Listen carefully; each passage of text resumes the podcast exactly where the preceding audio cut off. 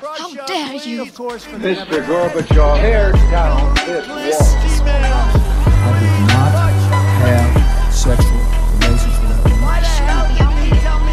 Read my lips. Hell yes, we're gonna take your AR-15. It's your waiting AK-47. I have a dream. Thank you.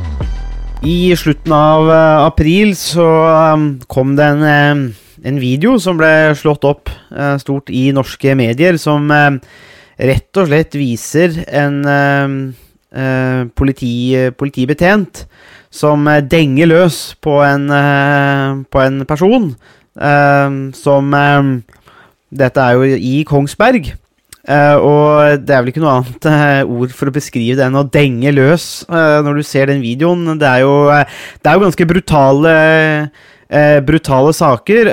noe som er veldig uvant og ukjent i norsk sammenheng.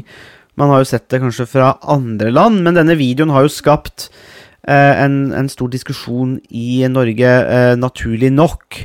Det handler jo da om eh, eh, Kevin Simensen som eh, da høsten 2022 eh, havna i en Det er jo litt vanskelig å si, for vi vet jo ikke hele hendelsesforløpet, men havna i en eller annen slags situasjon med politi utenfor en bensinstasjon.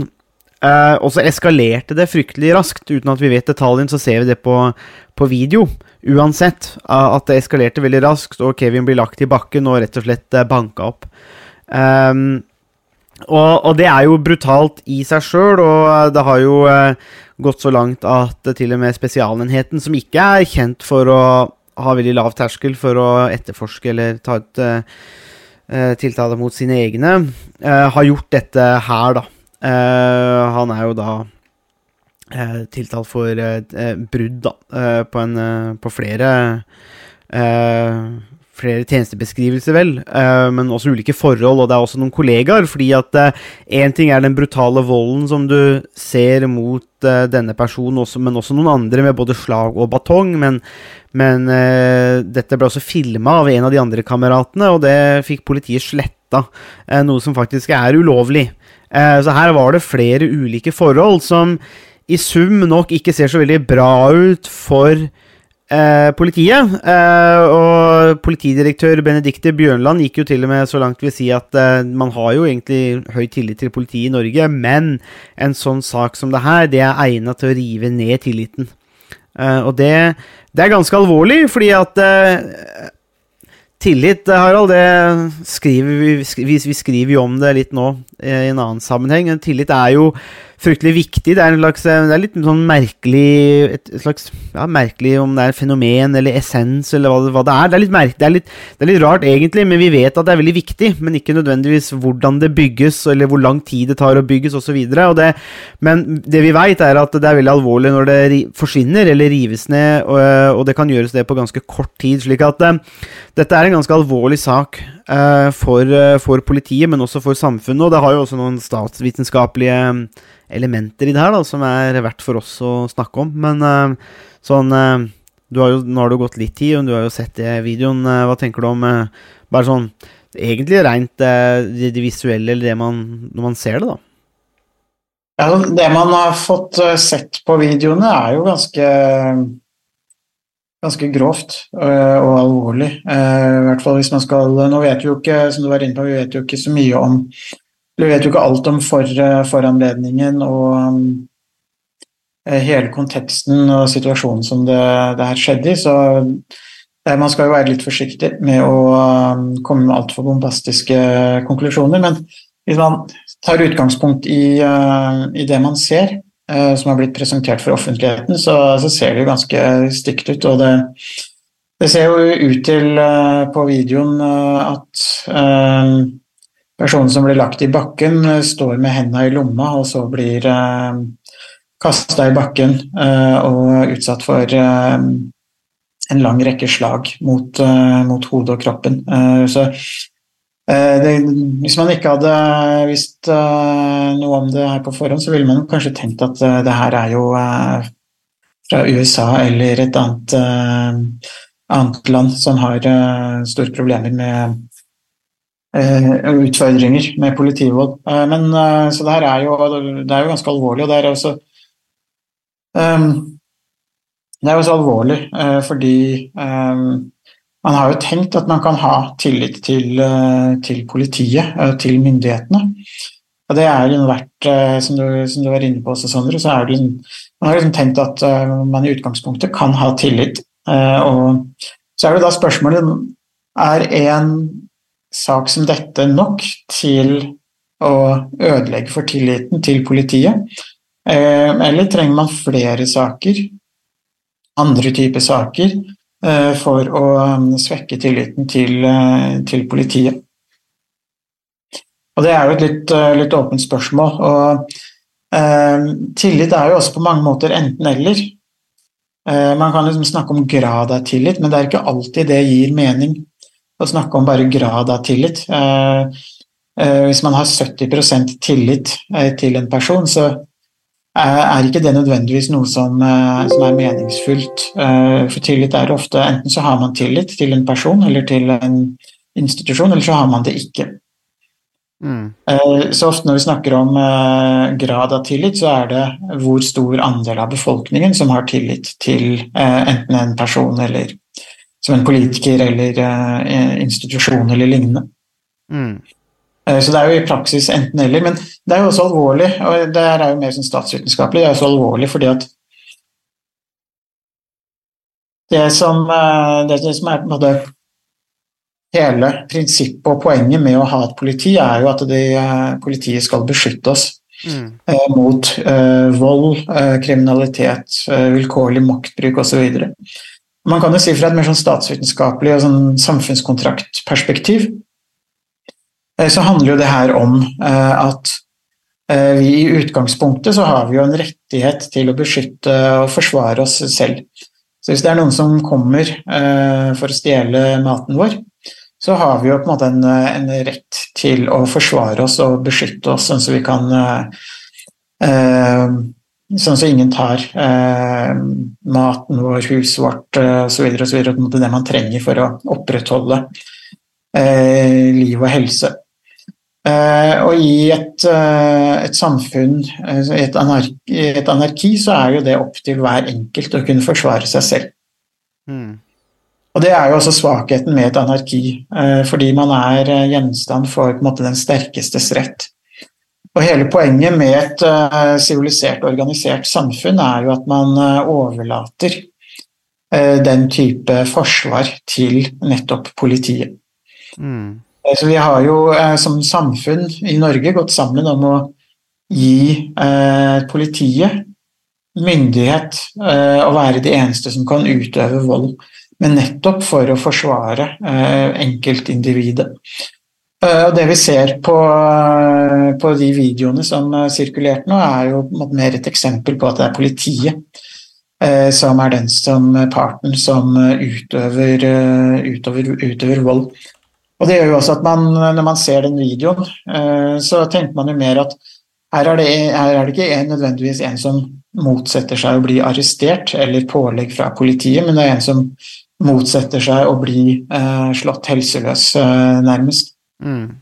Og det er også det som gjør det alvorlig eh, i, i, denne videoen, at her er på en måte snur man opp ned på Her er det de som skal beskytte oss, Eh, som eh, utøver vilkårlig eh, vold, tilsynelatende i hvert fall. Mm. Og hvis det stemmer, så, så, er det jo et ganske klart tegn på at politiet ikke tar alvorlig den oppgaven de, de skal, skal, løse. Mm.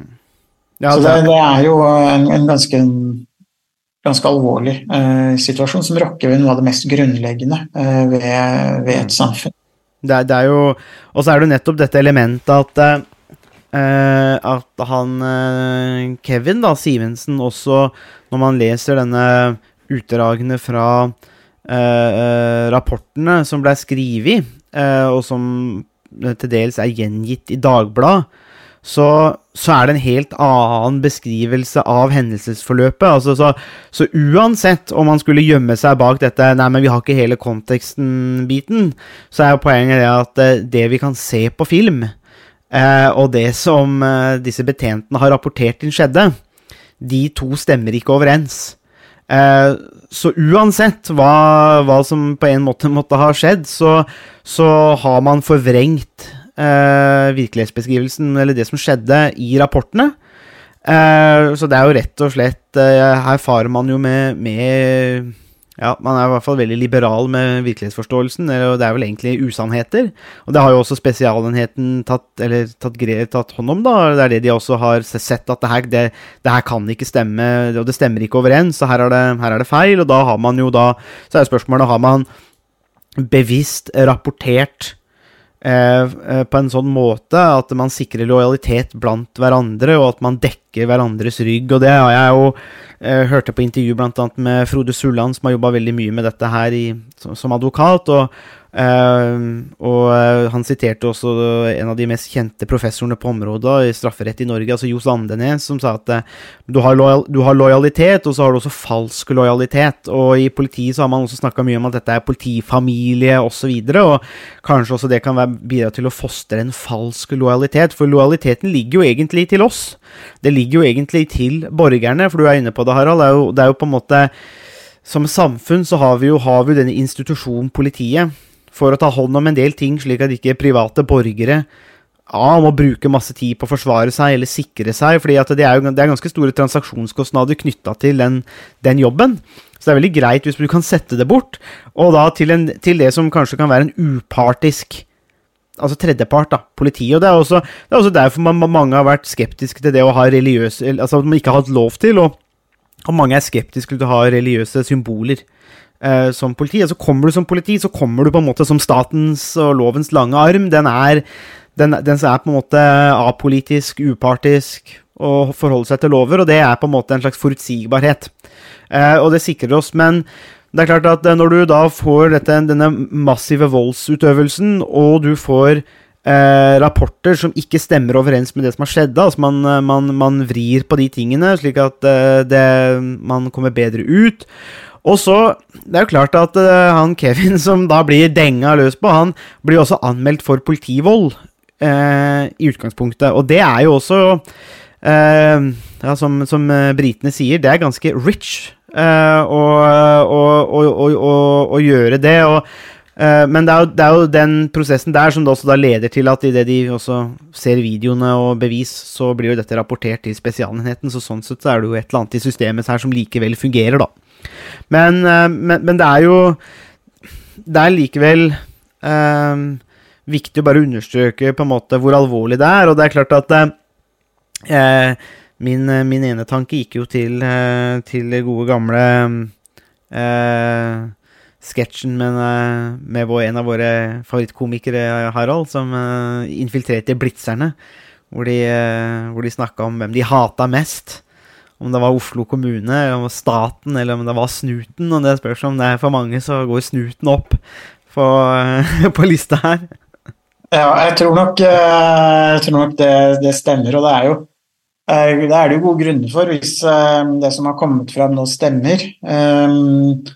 For hvis, man, hvis det er sånn at politiet da denger løs på folk, skriver falske politirapporter fra hendelser, og da på toppen av det hele anmelder de som blir utsatt for vold, eh, for politivold, eh, så er det ganske komplett eh, korrupsjon og et uttrykk for at politiet ikke har tillit, bør ha tillit i det hele tatt. Og det, det her er jo en sak som kommer etter at man i Norge eh, har hatt en eh, lang rekke saker med politivold, helt fra 70-80-tallet, hvor det var snakk om politivold i Bergen. Eh, og så har det vært flere andre saker helt fram til, til nå. Og den, alle sakene historisk har jo ikke vært like godt belyst. Det er jo delvis fordi det ikke har vært, vært opptak eller bilde, verken bilder eller film som har vist selve voldsutøvelsen. Mm. Uh, og så, så, Man har det bildet hvor det har vært, vært en lang rekke saker med politivold i Norge. Og så har man samtidig et annet spor hvor det har vært en lang rekke justismord i alvorlige drapssaker. og nå sist Baneheia og Eh, så er jo også, eh, kan man også ta med Birgitte Tengs-saken, eh, hvor det ble en domfellelse for ikke så lenge siden. Så det har vært en lang rekke alvorlige justismord i noen av de alvorligste drapssakene i, i Norge. Og så har man et annet spor med det som skjedde rundt 22.07, hvor politiet også fikk sterk kritikk. og Eh, det var mangel på kommunikasjon eh, og såkalt samhandling og samarbeid mellom ulike deler av politiet og eh, de etatene som var involvert. Og alle husker jo bildet av den bitte lille jolla full av full av politifolk som skulle kjøre ut til Utøya. og det Hele det bildet er jo liksom en sånn jolle som omtrent er i ferd med å synke, er jo også et bilde på politiet som eh, på mange måter også er i ferd med, med, å synke. Og så I tillegg så har man jo saken med Eirik Jensen, som, eh, som ble dømt uh, for uh, å være uh, egentlig på lag med de som driver med organisert kriminalitet. Så han ble jo dømt da, til lovens strengeste straff og ble fengsla. Og så ble han jo da i tillegg eh, løslatt fra fengsel for ikke lenge siden. Så det er liksom, på den ene siden så er det en politimann da som er svært korrupt, eh, og som da, noen da kanskje vil tenke blir behandla annerledes eh, enn eh, andre straff, straffedømte. Og så har vi jo da den, eh, den voldshendelsen her eh, de siste ukene. Så summen av det her er jo det er jo ganske voldsomt. Det, jeg bare plukke opp den, eh, den, tråden der litt, fordi at det var også noe som jeg så eh, at Eller som jeg ser flere har pekt på, det er jo det at hvis man eh, som vanlig sivil, da, eller tiltalt i en, i en rettssak eh, f.eks., ikke husker detaljene rundt en sak så veldig godt, og det er ofte veldig når ting skjer fort og, og, og så videre, så er det ikke alltid like lett å huske detaljer. Ting kan bli litt forvrengt. men Sitter man der som tiltalt, f.eks., eller vitne, så blir man nesten holdt imot en. At han husker dårlig. Altså at du, du, ikke husker. Og ok, det er nesten litt tegn på at du på en måte har gjort noe som kanskje ikke er, er så bra, og det er liksom Nei, det er ikke bra. Mens i politiet så, så er den terskelen veldig mye lavere. Det er, man blir tilgodesett på en måte som andre borgere ikke blir. Og, og, det er klart at uh, til en viss grad så kan man, jo, kan man, jo, tenke seg at det er greit, men på den annen side så er det Du må ha denne balansen òg mellom borgerne og de som også utøver det på vegne av staten, altså bruker dette maktmonopolet. Uh, og hvis, hvis, en, hvis, hvis, den balansen, altså hvis det kommer i ubalanse, så vil det også oppleves mer urettferdig og mer som et overgrep enn at man har en legitim eh, anledning til å gripe inn. Fordi at det er, jo, det det det handler om. At man, eh, og det er jo, det er jo, det er jo egentlig Og jeg tror egentlig det òg, at i USA så er det tror jeg der man har sett veldig mye, mye, mye, mye, mer diskusjon om politivold, for det har jo også vært veldig mye mer, mer, mer, av det. Men jeg tror fordi For svært mange amerikanere så vil min hypotese være at de fleste anerkjenner jo og aksepterer at politiet har en legitim makt til å gripe inn, men det går et punkt hvor det føles som overgrep. Og da, da, er man i ubalanse, og da kan ikke responsen være at alle andre tar feil, ikke sant? Men, men eh, det kan jo være noe de, som de gjør sjøl, da. Og det er en balanse. Jeg sier ikke at vi er der i Norge, altså, men, men, men det, det, er på en måte problemstillingen som man må være var på her. At eh, hvorfor skal politibetjenter tros mer på enn en vanlige sivile? Eh, og hadde det ikke vært for denne videoen eh, som vi ser her, så ville jo antageligvis politiet og andre trodd mest på politiets forklaring enn disse tre halvfulle gutta som sto der. Ja, det jo, og det er jo et viktig poeng, fordi at uh, politiet er jo en profesjonell part i uh, straffesaker og i rettssaker. Og uh, hvis man som politimann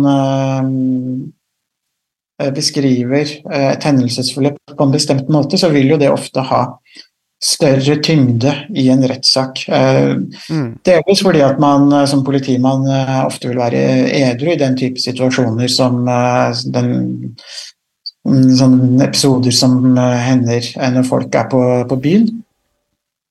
Men også fordi at man har jo gjennom utdannelsen og arbeidserfaringen også trening i å kunne håndtere den type eh, situasjoner på en profesjonell eh, måte.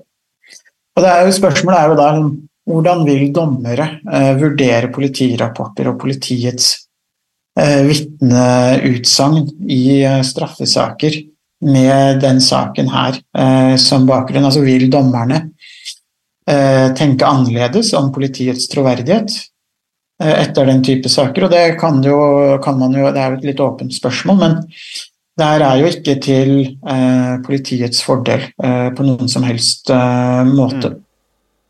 Så politiet er jo da i ferd med å undergrave sin egen troverdighet i, uh, i, uh, når det gjelder de oppgavene de skal, uh, skal håndtere, ikke da bare i, direkte i den hendelsen som, som vi har sett video av, men også i andre, andre hendelser. Og det, så er det også veldig alvorlig hvis det danner seg et bilde av at det er én ett sett med regler for politiet, og mye mm. større terskel for politiet for å bli tiltalt uh, enn det er for vanlige folk som, som tyr til vold også. Så det her er, det her er ganske ganske skremmende og ryster jo egentlig hele politiet litt mm. i, i grunnvollene, nærmest, for å bruke en halvveis klisjé. Mm. Og så er det jo Nei, det er, det er, det er, eh, Og det er flere eksempler på det her. Og så, så er jo et åpenbart spørsmål hvor mange flere er det ikke sant, som vi ikke får sett på film, men som, som kanskje finnes. Men det blir jo bare eh, spekulasjon. Men, og, og, det betyr egentlig ikke så mye, for den saken her er jo alvorlig nok eh, i seg sjøl. Men vi, klart, vi skal, jo ikke, vi skal jo ikke overdrive det heller og si at nå er politiet i en krise. men men, eh, men, men, du skal ikke ha så fryktelig mange av de sakene her. Eh, eller som du var inne på før, at eh, det slette etter etterforskningsarbeidet som har blitt gjort i f.eks. Birgitte Tengs-saken og, og, andre saker. Det er liksom sånn Du må jo lure på hva i alle dager er det folk har drevet med og, eh, i politiet. Og så har jeg også sett intervju med folk som er tidligere politibetjenter, men som også nå jobber på Politiets høgskole, som sier at det, det, har også skjedd en stor endring i politiet. Det har jeg også hørt fra andre advokater også, som jobber med dette, at de, eh, de, påpeker at eh, i det hele så er utdanningen bedre òg, slik at eh, man tar tak i det, og at det blir bedre. og det, det får vi jo tro er, er tilfellet. den en annen ting som eh, er knytta til det her, som jeg syns er veldig problematisk, eh, min, eh, som jeg i hvert fall har vært veldig kritisk til, og det har jo vært bevæpningen av politiet. For politiet har jo, eller krefter i politiet, og noen politiske krefter, har i hvert fall ønska en generell bevæpning av politiet. og Nå har de hatt midlertidig bevæpning, men politiet i Norge er jo generelt ikke bevæpnet. Og jeg mener jo at det er en stor styrke da, for Norge, ikke minst fordi at ser vi rent statistisk på det òg, så er det ikke så mange ting man vil ha stoppa med våpen.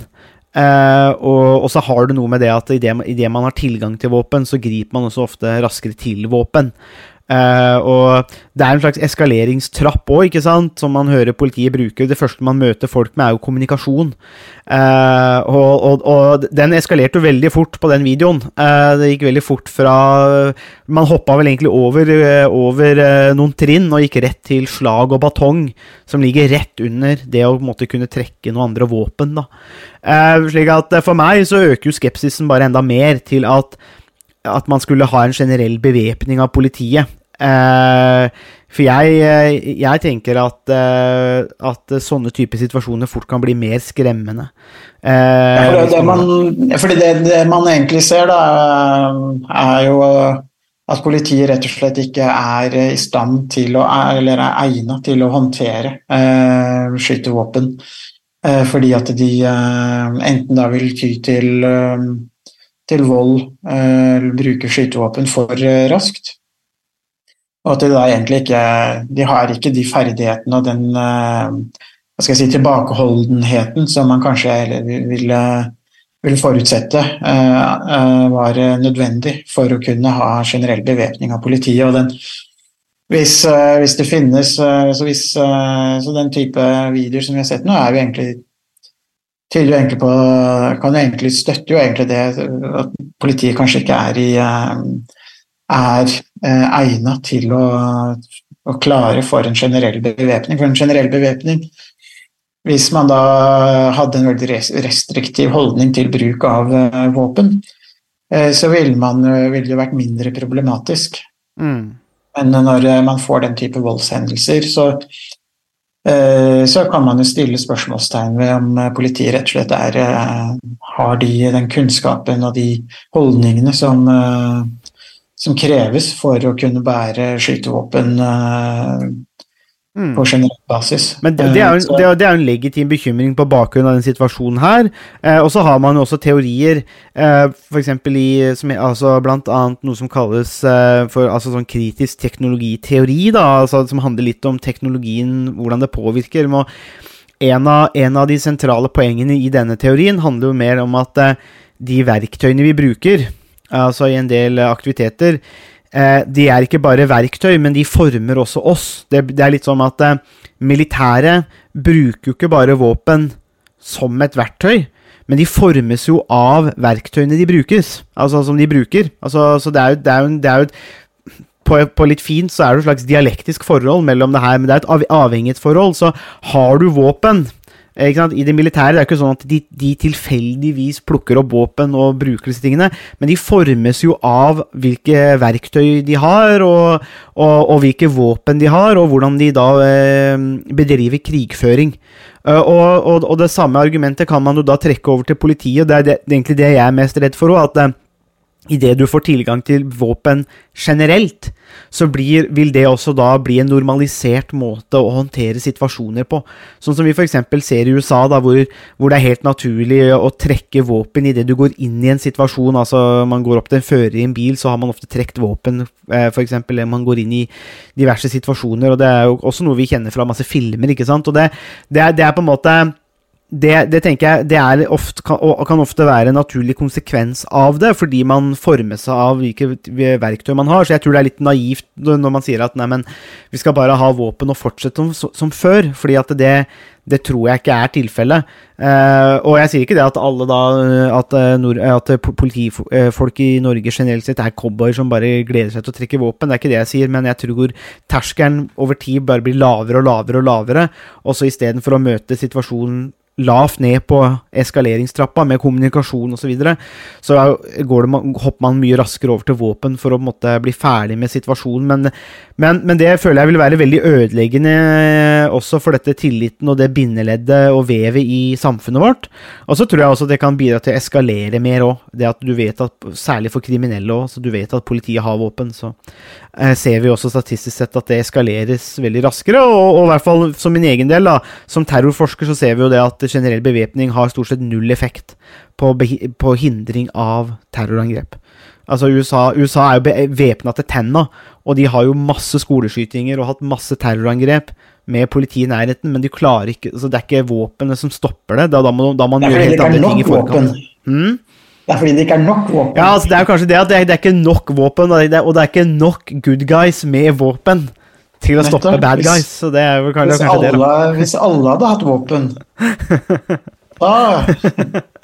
Det er klart Man kunne jo se for seg kanskje her at politimannen og han eh, Kevin kanskje kunne løst opp det her ved å på en måte hatt en litt mer sånn revolverduell, kanskje.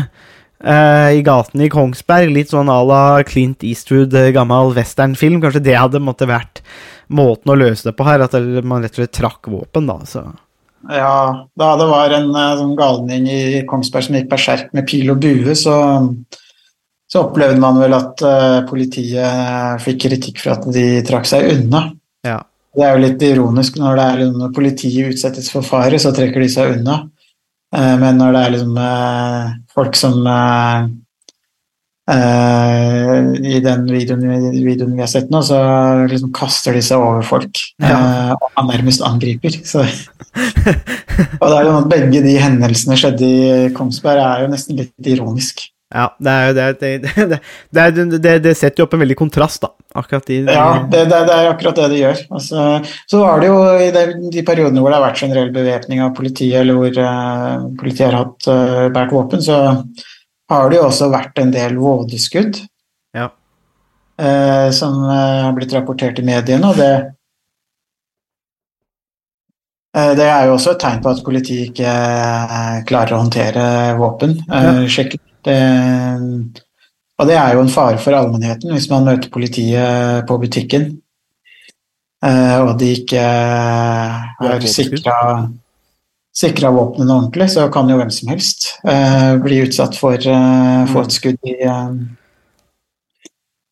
politiet. Ja, men, men, men og til slutt, da, så, så har man også dette elementet her med stadig mer overvåkning av folk, altså datalagringstrafikk. Og det, det, det har jo ikke noe med politiets eh, daglige oppførsel og opptreden og møte med folk å gjøre. Men det som interesserer meg her uh, til slutt, det er litt det der med, med Eller det, det handler da om statens uh, inngripen, altså i våre liv.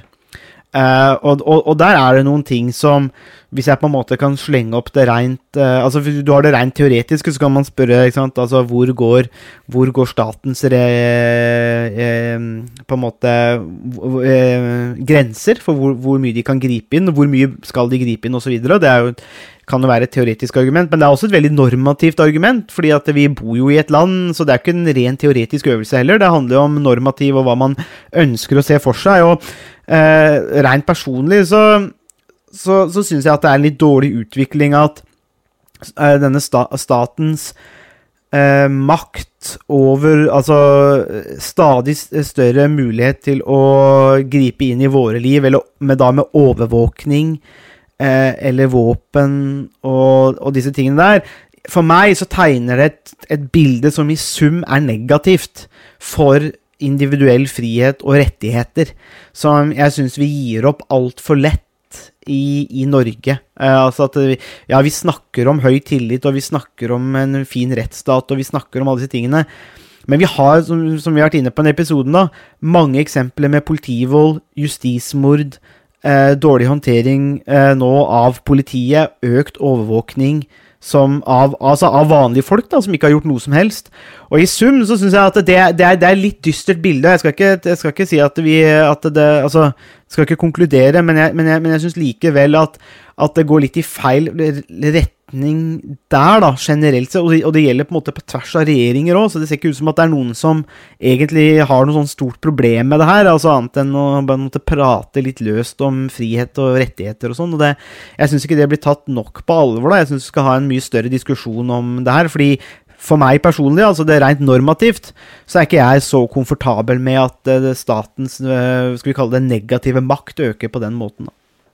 Ja, jeg er helt, um, helt enig. Jeg tror det der er en bekymring som um, i Norge nok kanskje er litt uh, naive i forhold til. Vi tenker at staten vil oss uh, vel, og staten vet best. Uh, og vi kan nok være litt for sjenerøse med å gi staten mulighet både til å overvåke oss og ha informasjon om oss osv. Uh, og det er ikke det at staten nødvendigvis er ond, men mye av den informasjonen kan jo misbrukes. og mange av de stemmene som er advart mot eh, den utviklingen, de har jo ofte blitt, eh, enten blitt latterliggjort eller eh, fått lite oppmerksomhet. Eh, og det er jo absolutt en bekymring eh, hva staten eh, vet om oss, og hvordan eventuelt informasjon om oss eh, brukes, og om det kan misbrukes. Og det har også vært eksempler om snoking i pasientjournaler og en del andre ting som, eh, som er med på å eh, gjøre at man, eh, man kan ha svekket tillit også til, til staten på andre områder. Mm. Eh, og um, i hvilken grad vi skal overvåkes, og i hvilken grad vi skal, skal utsettes um, eh, for overvåkning eh, av, eh, av staten. Så det her er, det her er mer, jeg tror det her er mer alvorlig og et, litt sånn, eh, et spørsmål som har vært litt sovende i norsk offentlighet, og som eh, mange nordmenn er litt naive til og tenker at staten eh, det er ikke så farlig fordi staten eh, vet best. Og så er det ofte et sånt argument med at ja, hvis du ikke har noe å skjule, så er du heller ikke noe, som kan liksom være åpen om alt. Og, eh, det er jo i og for seg greit nok, men det er jo også et litt tri trivielt et, trivielt spørsmål, for det handler ikke om at man nødvendigvis har noe å skjule, men det handler jo om at folk ikke skal ha mulighet til å Mm. Eh, snoke eh, og skaffe seg eh, privat og personlig informasjon om andre mennesker. Det der er også så tullete argument, syns jeg, når jeg hører det. Det det med å snoke, for det er litt sånn eh, eh, Nei, altså det, er- det er vel kanskje det liberale der, mener jeg, som, som måtte er godt forankra i meg, da. Eh, sikkert gjennom noen hundre år med tenkning, og som måtte bare har sivet inn her. Men et viktig poeng er jo, et, er jo krav, eller rett, rett til privatliv. Eh, og du låser jo gjerne huset ditt når du legger deg, eller du låser når du går på do eller dusjer. Poenget er det at som menneske så har du, har du behov for privat rom, der ingen andre kan invadere deg når som helst, hvor som helst. Eh, og, og det argumentet som, som du tar opp, da, dette med at har du ingenting å skjule, det, det mis, for meg da misforstår hele dette elementet med at vi trenger faktisk disse rommene hvor vi er aleine. Eh, vi kan egentlig gjøre litt sånn som vi vil, vi kan tenke eller si hva vi vil, altså ha den friheten. Eh, og det er jo det, Men det er klart, altså, folk som kanskje ikke har den liberale elementet, men da vil kanskje ikke være enig med meg, men da mener jeg da tar de feil.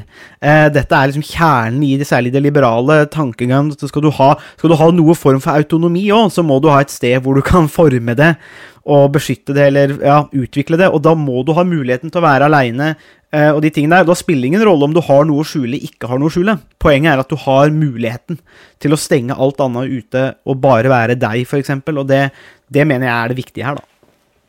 Ja, og det er jo et helt, det er jo et helt grunnleggende prinsipp. og Hvis, man, eh, eh, hvis det for, prinsippet undergraves, så er vi på vei mot et eh, konformt eh, Man kan ikke kalle det et nødvendigvis totalitært samfunn eller eh, autoritært samfunn, men det er et samfunn hvor det blir mindre plass eh, for å kunne eh, ha privatliv. Og det, det vil være et stort tap eh, for eh, for de aller fleste. For selv om vi å skjule, så er det ikke det at vi nødvendigvis vil eksponere oss. Mm. Eh, Og det er en viktig, eh, viktig forskjell. Og jeg tror ikke nødvendigvis det er alltid sånn at hvis vi ikke låser døra til huset, så blir vi utsatt for innbrudd, men det er bare at vi gjør jo det for, fordi vi vil ha privatliv, og vi låser døra om kvelden eh, når vi legger oss. Eh, Ikke nødvendigvis fordi at vi frykter at noen vil bryte seg inn og, og banke oss opp, men eh, mer fordi at vi eh, Det er jo et generelt prinsipp om, eh, om privatliv, og det som er veldig eh, som er veldig grunnleggende. Takk for at eh, du hørte på Statsvitenskap og sånt. Har du spørsmål, kommentarer eller tilbakemelding, så er det bare å ta kontakt på vår Facebook-side, per e-post eller brevdue. Musikken er som vanlig laget av Robin Horvath, og Mats Halvorsen mikser og redigerer podkasten. Vi høres!